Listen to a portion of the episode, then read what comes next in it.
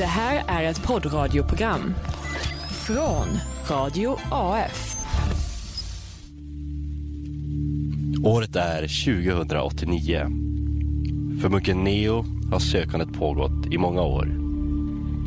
Tvärs över Europa har han färdats i sökandet efter en samling skrifter som bär hela mänsklighetens hemligheter i sig. Fördolda för omvärlden.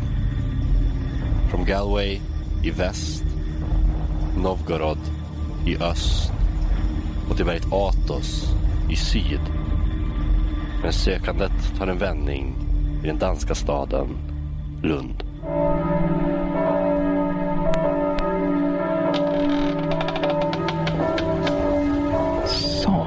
Han skulle känna igen mig nu. Det ser ju fruktansvärt ut i håret. Neo. Tjena. Hej!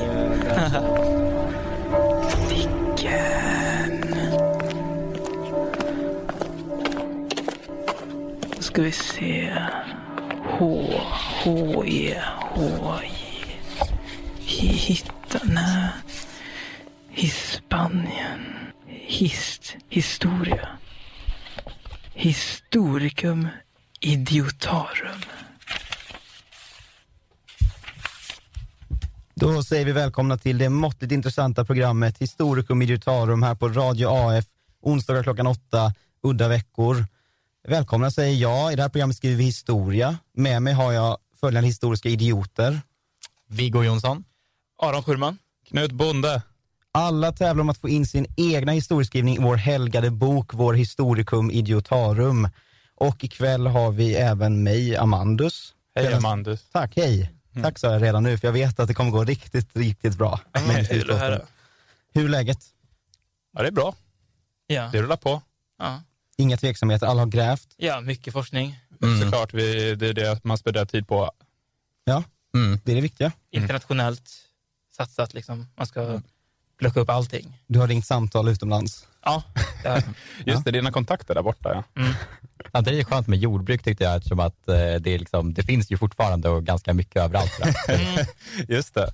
Just Det det, hade ju betydelse, ja. Mm, för det är det vi ska prata om ju. Ja, Jordbruk på något sätt. Den neolitiska revolutionen. exakt. Hur, viktigt. vad hände? Hur blev det till? Vad, vem kallar den för det? Vem tämjde vem och när la vi ner pilbågen? När plockade vi upp lien? Eh, det ska vi föra här på Radio AF om en stund.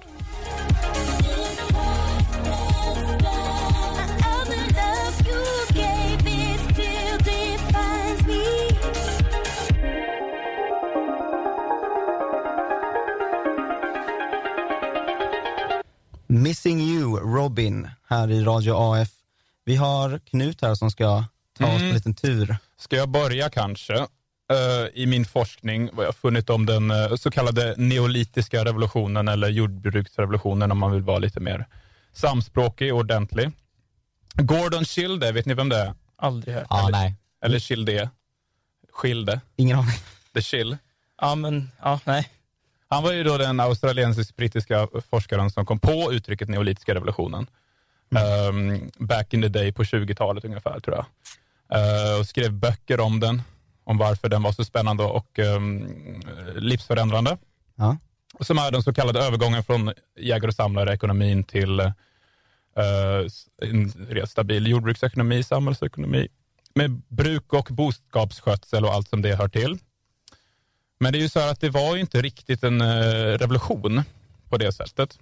Eh, eftersom man behöver inte krossa de eh, översittarna för att få dit den direkt. Nej, Utan, utan den snarare skapade den översittarna.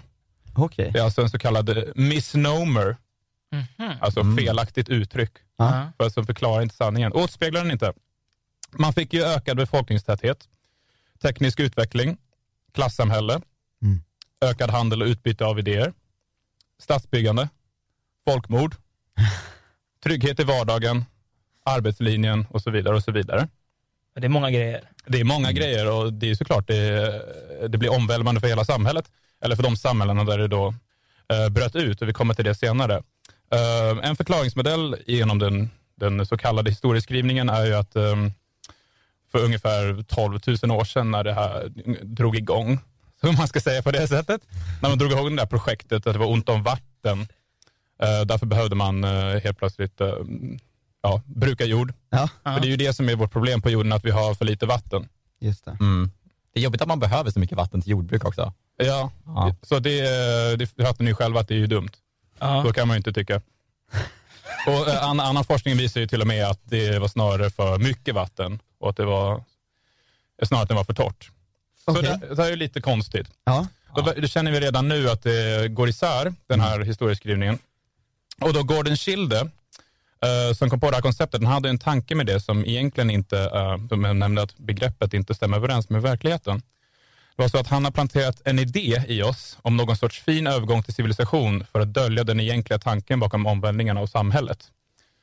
Gordon Schilde var en eh, livslång marxist och använde sina tankar och historieskrivning för att förstå skildringen av klassamhället och hur det skapades av den anledningen. Det här felnamnda konceptet om revolution, egentligen så var det ju kontrarevolutionärt. Men det visste han ju om när han planterade idén, historieskrivningen, att det var en positiv grej. Annars kommer inte han kunna vara med i historiernas riks- rikssällskap och hänga med de fina killarna och skriva de fina böckerna. Jägar och samhälle- samhället var ju mycket mer jämställt mellan könen och det ekonomiska planet. Mm. Alla hade sin roll i det ekonomiska systemet. Deras arbete var deras eget och de behövde inte utöva arbete över sin förmåga eller vilja. Den neolitiska revolutionen var alltså en planerad samhällsförändring i lång preparation av de ledande klassen. För lata för att utnyttja frukten av människors hårda arbete istället för att eh, också behöva jaga och hålla på. Killar, ni vet killar som inte pallar. Killar som hellre vill se till att andra gör saker. Mhm. Mm. Som bo- bossar runt människor istället för att bidra till det gemensamma. just det. Det vet vi ju om. Ja, det. Jag säger, jag håller tand för tunga. det är inte så att konceptet att jaga och samla försvann. Egentligen. Det gör vi ju fortfarande. Ja, Ja. Vad jagar du efter? Leverbröd. mm. ja, just det. Ja. Just det, det, blev, det gick från att jaga sabeltandade tiger till att jaga vete. ja. Eller att jaga vem man själv är kanske. Nej, men i- jakten finns ju liksom kvar i vår liksom sorts push som människa och i det system som vi har hamnat i på grund av den här neolitiska revolutionen skapad av ehm, de som var för lata för att ta till sig själva och istället underordna folk i samhällen där de kan kontrollera och eh, bestämma själva. Och det är nu som med att, eh, att jaga och sånt är ju en dygd för den rikare klassen. Nu är det någonting coolt och flashigt och Just det. ledighetsgrej. Mm. Det är som man alltid gjort. Va? Man har tagit de hårda, de hårda arbetarnas eh, nöjen och utnyttjat dem till sina egna pleasures. Så det är med de ledande klassen. Ja, Ja. Ja. Så nu är det ju, eh, nu har vi skapat någonting här Mm. som nu vi fortfarande lever efter. Eh, för om vi egentligen tänker efter så här, tror ni verkligen att man bara odlar? Bara sådär? Det är ju helt sjukt ju. Ja, just det. det Vadå bara odla? bara kasta frön. Nej men det är ju inte, det kan ju inte, vadå, det är inte rimligt att tro att man bara säger åh jag hittar det här, nu kan jag lägga det på marken och gå vidare två år senare och säga att nu har det kommit upp någonting här och jag får det sambandet. Nej, det är såklart att det är planerat. Det är någon som har bestämt att det är det här vi ska göra. ja, ja. De har liksom lurat in oss i en sån fälla. Men det är helt sjukt att komma på odlingskonceptet. Ja. Alltså av ren liksom att det kom från människans natur på något sätt och att alla började göra det samtidigt över hela världen under samma epok. Nej det här är någonting mer va? Det är klart det är en aktiv plan för att få människor att samlas in i små grupper som är lättare kontrollerbara. Mm. Vems plan?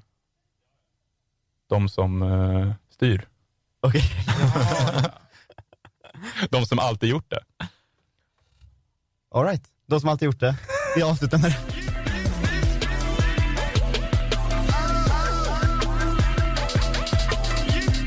Ape Shit, The Carters, här på Radio AF. Nu har vi hört Knut dividera. Hans, jag skulle inte kalla det konspirationsteori, jag skulle säga hans forskning. Som har visat ganska så omskakande saker skulle jag säga, om vår historia. Mänskliga Ja. historia. Precis. Det, Det har blivit dags för ännu en, eh, vi får se om, om han blir en idiot eller inte än. Alla, jag kallar er tre idioter tills jag bestämmer vem som är vinnare liksom. Oj, ja. ja. Men Viggo, vad Ja. ska du, vad, berätta nu vad din efterforskning har visat. Ja, jag skulle säga att min forskning är nästan ännu mer omskakande. Eh, och jag kommer haka i Knut lite för att eh, jag kommer faktiskt visa att den här australiensiska killen hade rätt. Det här var i sanning en eh, marxistisk revolution. Eh, till skillnad från vad som oftast hävdats liksom, av den traditionella historieskrivningen. Ehm, men jag tänkte börja och bara så här uppmärksamma att jag tycker det är väldigt kul att vi har det här som ämne. Eh, för att eh, för några månader sedan fick jag reda på att eh, Jan Myrdal, den här gamla liksom, maoistkommunisten, Just det. eh, han har tydligen en son som heter Janken Myrdal, som alltså betyder lilla Jan. Eh, och jag har fått reda på att han är jordbrukshistoriker på Sveriges lantbruksuniversitet. Eh, och ända sen jag fick reda på det här så har jag varit ganska besatt av att liksom på, bara på något sätt liksom komma närmare Janken. Eh, så jag hoppas verkligen att han lyssnar idag. Eh, och om du gör det så får du gärna slå mig en signal efter den här pratan, för jag tror att vi är väldigt mycket gemensamt faktiskt. Ehm, men så den traditionella bilden av eh, neolitiska revolutionen, det är ju den här ganska så negativa bilden, i alla fall liksom senare årtiondens liksom historieskrivning, just det här att liksom, ehm, vi, blivit liksom förslavade under vetet, liksom, man kunde föda större populationer, men sen så tvingade det oss att bara lägga liksom, börja arbeta jättemycket mer och så skapades de här liksom, hierarkierna och slavsamhällena. Och man har teorin att liksom, jordbruket spreds genom att, inte för att folk liksom, ville ha det, utan för att jordbrukarna i sin liksom, blodtörstiga jakt på mark bara så här, trängde ut de här goda jägarsamlarna. Ehm, Så är det. men ja, är faktiskt tyvärr inte. Eh, för att i, i, I min nya revolutionerande forskning så har jag kommit fram till att här, den här traditionella historieskrivningen är helt falsk. Eh, jag tycker till exempel att det finns ju, har ju funnits liksom problem i teorin redan sedan innan. Till exempel då det här med att liksom jordbrukarna kunde tränga undan de här gamla stenålders jägarsamlarna. Liksom. För att så här, jag vet inte om ni har sett liksom något så foto på en bonde någon gång från typ tidigt 1900-tal. De är liksom riktigt taniga jävlar. Ja, medan alltså, de här, så här jägarsamlarna, alltså, liksom, tusen generationer tillbaka hade de liksom utrotat så här, sabeltandade tigrar och jättesengångare. De var ju liksom, de käkade massa protein, eh, var liksom riktigt tuffa. Så jag tror liksom inte man kunde så här, bossa runt dem. Ehm, men så jag tänkte för att liksom få, en, få den sanna bilden så tycker jag att det var, tänkte jag att man skulle liksom återvända till det som alla som skriver historia om det här håller med om. Eh, och det är ju typ att jordbruket liksom uppfanns av en, liksom så här, typ en kvinna eller flera kvinnor i Kurdistan.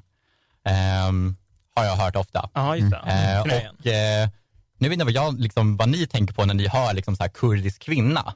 Eh, men jag är ganska mycket inne på typ alt-right meme-sidor och sånt. Eh, och då så dyker det ganska ofta upp liksom, en sån här kanske bild på en sån här liksom, kurdisk så här, kvinnlig persmerga-krigare som slåss mot liksom, Ja, Islamiska staten. Ja. Och sen så kanske bredvid så är det kanske en så här svensk feminist som håller på med menskonst och så står det så här, ah, vilken är den riktiga feministen? Ja. Eh, så att jag, alltså, av det här så har jag dragit slutsatsen att liksom, kurdiska kvinnor är ju liksom, så här, mest badass liksom, och de mest här, feministiska liksom, personerna som finns. Ehm, och här var det liksom, alltså det vi har kommit överens om är ju att det var de här människorna som, som liksom uppfann jordbruket. Ehm, Persmarga. Ja, men precis. eh, och, och jordbruk får man ändå erkänna var liksom bättre än jägar-samlar-samhället. Alltså, så här, jag kan vara typ sjukt sugen på liksom mackor nu och jag har ätit liksom tusentals mackor i mitt liv. Så ni fattar liksom om man aldrig ätit en macka förut, utan de bara kommer och ger en en smörgås, liksom, att så här, det, det är jävligt fett. Ja. Eh, så att, plus att liksom, så här, barnen, liksom, ens barn typ slapp dö. Eh, så att det här var ju liksom ett så här, det, alltså, så här, jordbruk var nice, det vara kontrollerades av de här feministiska kvinnorna. Liksom. Ja. Eh, så att liksom, de här, så här, de kontrollerar ju verkligen liksom, det här nya samhällets produktionsmedel. Eh, och de här människorna kom ju liksom från ett, alltså det här jägar-samlar-samhället där man liksom inte hade hierarkier, man hade inget koncept om ägandeskap eller sånt.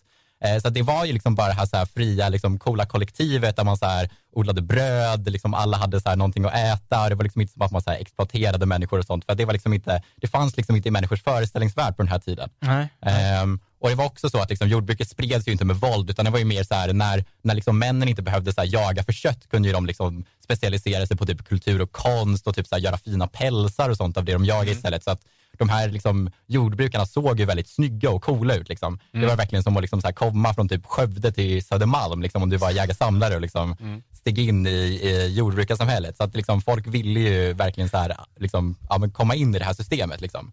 Ehm, så det här var liksom ett väldigt så här progressivt, trevligt, trevligt system liksom, som existerade i tusentals år. Men vi vet ju i slutändan att det här är inte så historien slutar. För till slut kommer ju de här hemska liksom, hierarkiska samhällena. Ja. Eh, och här så är forskningen lite oklar. Men jag har varit runt på en sån här konferensresa med massa forskare och jag tror att jag kommit fram till en ganska bra teori om hur det här plötsliga skiftet skedde. Ja, Och det var att det fanns liksom en grupp i liksom det gamla samhället som, som inte gynnades av det här samhället som annars var liksom väldigt trevligt och bra. Och det var ju då de här människorna som kanske hade jobbat med typ att så här hugga sten eller karva trä och sånt. Eh, för liksom i, i jägar-samlarsamhället hade de kunnat liksom sälja de här liksom fint hackade stenarna och sånt väldigt dyrt.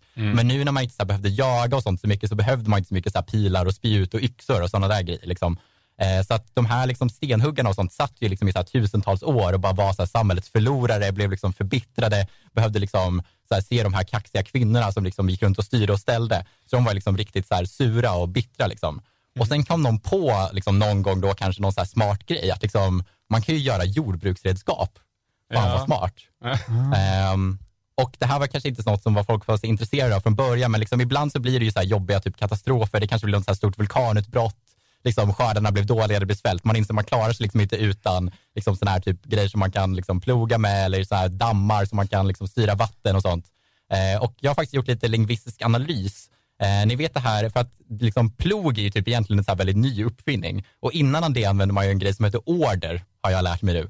Eh, och det här kommer ju då från att så här, de här liksom stenhuggarna och träkarvarna liksom karvarna fick ju otroligt mycket makt liksom, när hela folket håller på att svälta och alla är liksom beroende av deras grejer. Ja. Eh, Så det här ordet kommer ju då från att de är villiga att bry, liksom byta det här, så här plogredskapet mot att folk är liksom villiga att ta order från de här människorna. Och det är därför det här red- redskapet heter order.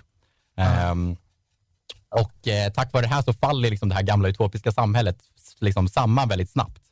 Eh, så att neolitiska revolutioner har ju fått typ de konsekvenser vi liksom tror att de har haft. Men jag vill bara påvisa att det har funnits den här liksom alternativa verkligheten. Och jag hoppas att Janken Myrdal ska upp, eh, liksom, komma fram till det här också. För jag tror att även om man liksom inte ska hylla Mao och Pol Pot som Jan Myrdal, så finns det en verklighet där jordbrukskommunismen verkligen fungerade.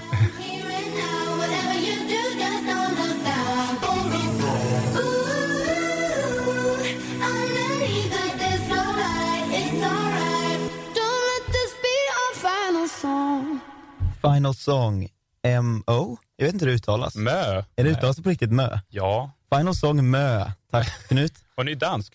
Hon är dansk. Ja. Stilistiskt val. Så. Ja. En, en, Men det är ju eh, så språket funkar. Ja, som danska så funkar Ja. första språket.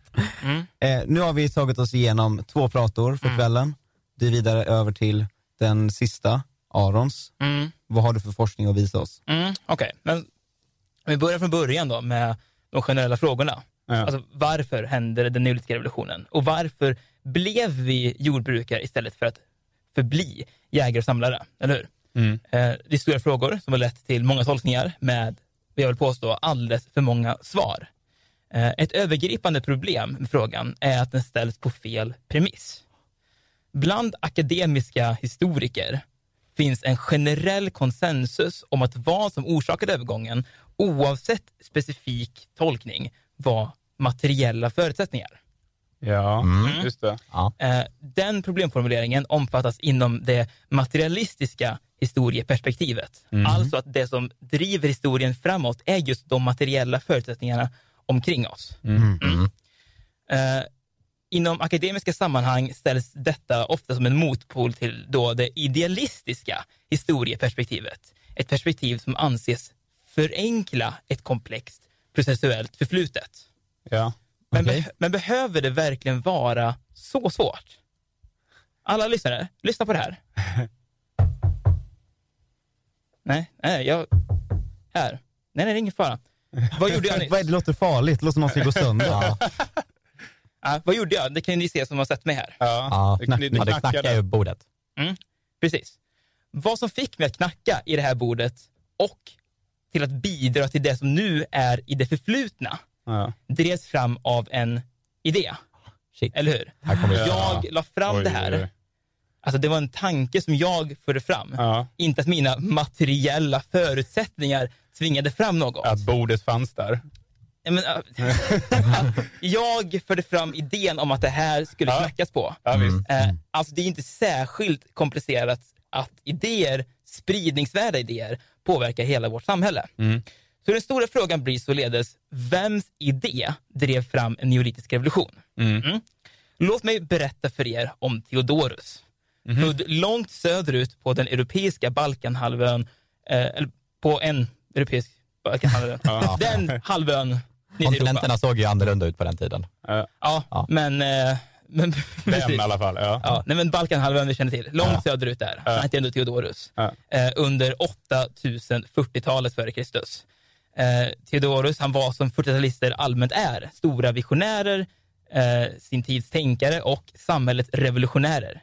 Vi vet ju inte så mycket om honom. Han levde i sin stam, men vantrivdes troligen. fanns ingen plats för ett geni. Han kom alltid med tankar och idéer, något som säkerligen förargade en grupp som bara ville överleva.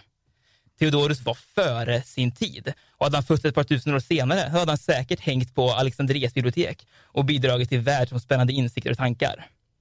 Men Theodorus visste något. Eh, han förstod att om han skulle platsa in behövde han ändra på världen fullständigt. Någonstans i 30-40 års åldern verkar det som så har han kommit till en insikt om att ett samhälle är möjligt. Ett system där hans tankar och idéer faktiskt kan komma till uppskattning. Där han kan bli en del av eliten.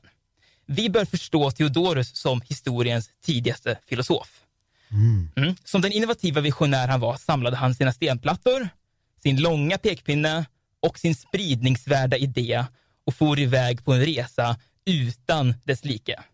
Från Sydeuropa till Nilen, vidare till Eufrat och Tigris och sen även vidare till Indusdalen. Mm. Vi måste förstå att det är Theodorus som ligger bakom det här. Vilken kille. Mm. Spårlämningar och såklart spridningen av den neolitiska revolutionen indikerar att Theodorus lyckas föra vidare sen mot Kina, över till Amerika och sen tillbaka hem igen. eh, men hur kan vi veta allt detta? Det är ju saker jag bara säger just nu, eller hur? Ja. ja. Jo, för att ett par historiekollegor har gjort ett makalöst fynd uppe i Norge som både stödjer vad jag påstår om Theodorus, alltså om hans åsikter och var han har befunnit sig. Kära lyssnare och eh, Viggo, Knut och Amandus. De har hittat världens äldsta ljudupptagning. Oj, oj, oj. Inspelad runt 8000 före Kristus hör vi Theodorus berätta för befolkningen i Indusdalen om sin idé. Allting sluts i den här cirkeln. På grund av diverse skador och så där, det har ju legat där rätt länge, i 10 000 år, så, där, så ehm, eh, finns inte allting med. Men vi verkar kunna urskilja en början och ett slut på upptagningen. Eh, jag vill också varna för dålig ljudkvalitet. Den är ju trots allt inspelad under föragrartid. Men nu har det blivit dags. Får jag för er presentera The Neolithical Revolution, an idea worth spreading. Take it away, Theodorus.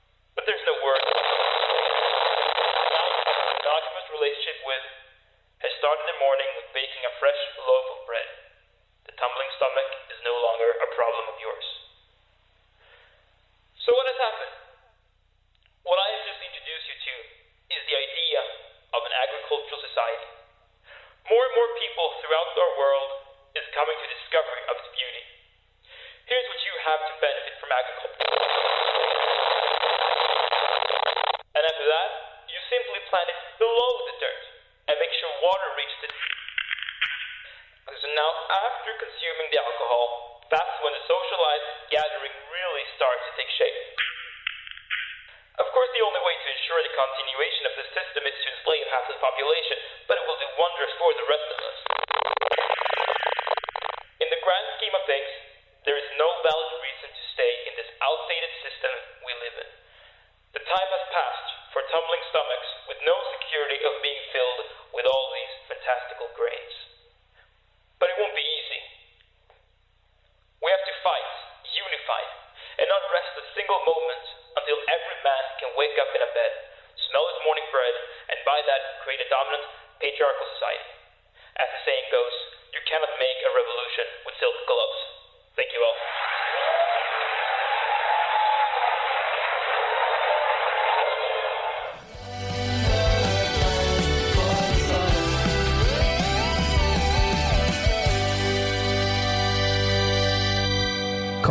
McCullers Trust Fund här på Radio AF, Historikum Idiotarum, där vi har granskat tre eh, historiska idioters forskning.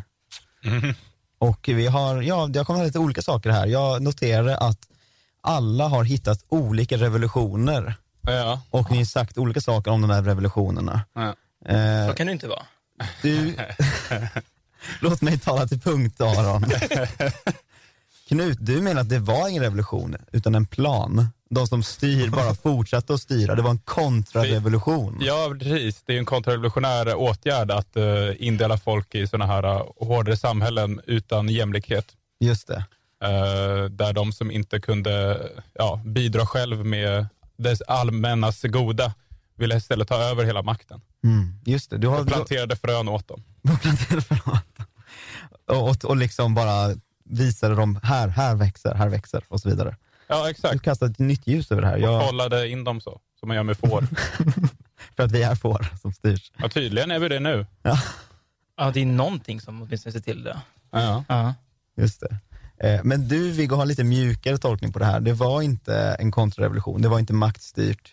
Det var bara snyggaste pälsens oundvikliga faktor. Ja, alltså, jag, jag håller ju egentligen med Knut, men det är bara att jag tror att han räknar fel på några tusen år. Och att det fanns liksom de här goda tusentals åren med liksom de kurdiska persmerga-kvinnorna som, som spred glädje till folket. Glädje och, eh, Och pälsverk. Glädje och feminism och order. och order. Ja, men det, det var ju Knuts personer som spred. Ja, Ja, okej. i dubbel bemärkelse. de, de dök upp där lite på, Ja. lite på slutet. Ja. Och sen har vi Aron då, din, jag skulle säga att din är också revolutionär fast det är någon slags eh, Jesusfigur som har vandrat runt över jorden. Ja, men det, är- det är ju den, ideali, den idealistiska revolutionen på så vis. Just Att, eh, att han med sin idé kan förändra världen. Sin Ja. idé och sin retorik. Ja, Och Han sina, var en bra talare va? ja sta, stadig röst. Ja. Ja. Eh, bra att man skulle hålla en latpekare i handen kanske. Så. Den hade då. Nej, han hade ju bara en pekpinne för det som. alltså, ja, Ja. vissa skulle säga diktatorisk eh, ton eh, över den där eh, Det var en viss sorts revolution han var ute efter tror jag. Ja. Men jag tycker att um, allting är väldigt intressant. Det, är- det är olika historiesyner på gång. Liksom. Det är ju lite det materiella mot den idealistiska. Mm. Och det är bara en som kan förklara helheten bäst. Så att, eh, Just det. jag vet inte. Det återstår att se. Jag kommer göra en överläggning Ja. och eh, när vi kommer tillbaka, Du ska bedöma oss alltså? då ska jag bedöma. Mhm. Då är det, jag har ju boken här. Ja, just det. Ja, Den hade jag glömt eh, bort att vi hade. Jag har liksom, nu kan jag inte lyssna och se det här, men jag tar ju fjäderpennan, Ja. blöter den mot tungan Ja. och doppar ner mot bläckkornet just nu Ja, ja, jag ser det. i förberedelse. För, för sen ska kapitel fyra skrivas. Kapitel 4 ska skrivas och den rätta historien ska komma fram. Just det, det är så det ligger till. Alldeles strax.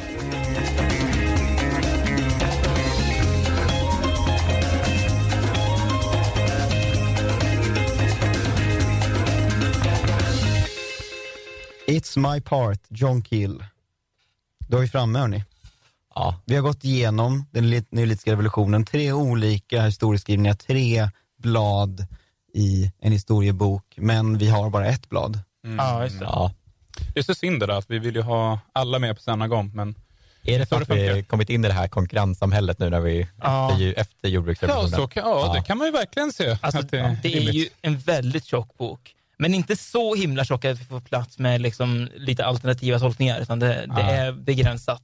Nej, det är inte, alltså, vi får inte betalt per sida så för att skriva den, som i USA. Så att, Nej, precis. Utan det här är liksom, utan det här ska ju, då är det kapitel för kapitel och, Ja. och vi ska ju vara raka och tydliga. För det är inte det som är lite trist med historiker, alltså historiker idag, att det ska vara så himla mycket Hur kan det finnas så jidder och- många böcker?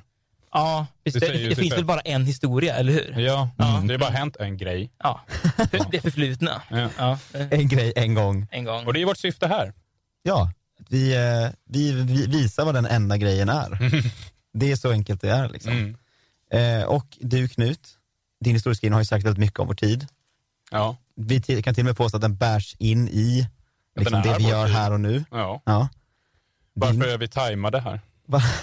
Va? Varför är vi inte ute och hämt, fiskar? Ja, ja men precis. Va- varför jagar vi inte? Nej, Varför smyger vi inte i skogen? smyga i skogen. Man kan ju gå också. Man kan gå. Eh, jag brukar springa. Viggo, dina, alltså jag, jag, jag hakar upp mig vid pälsarna. För att jag tycker att den här statusmarkören, de vackra pälsarnas logik vill jag kalla det. Ja, det är Ja. fint alltså. Det är ganska fint. ja, du har skapat ett eget teorem. Mm. Jag, eh, jag tycker det är min roll som bedömare att eh, ta ert arbete och eh, föra det vidare. Förvalta. Ja, ja, vi säger förvalta. Den hermeneutiska cirkeln. Just det, Ja. den ska tolkas. Eh, så jag ger er båda fyra av fem flodsamhällen. Mm. Det är många flodsamhällen. Ja, det är väldigt det är många väldigt flodsamhällen. många, alltså fyra av fem är, ja men det måste vara mer än Kina i alla fall. men Ja. Jag har ett ideologiskt bultande hjärta. Och Mm. den här profeten som vandrade på jorden och framförallt forskningsarbetet med att plocka fram ett ljudklipp som är 10 000 år gammalt. Ja, det är Ja, det är, ju väldigt, det är ju anmärkningsvärt i alla fall. Ja. Det är Det otroligt, det är helt otroligt. Ja. Eh, och jag blir tagen av det här och jag känner att det är historia levande jord i den här studion ikväll. Så det blir fem av fem Uh, flodsamhällen till Aron. ja, Jag skriver här på sidan nu. jag har inte inte jag gillar Nebraska, men jag har alla flodsamhällen.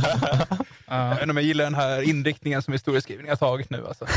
Det blir sådana idealister. Ja, men det är så tydligt nu. Det, det, men det är, så här, Ja. att, men det- att, är det inte enkelt att ta till sig att det var liksom historiens första TED-talk som la grunden för vårt samhälle?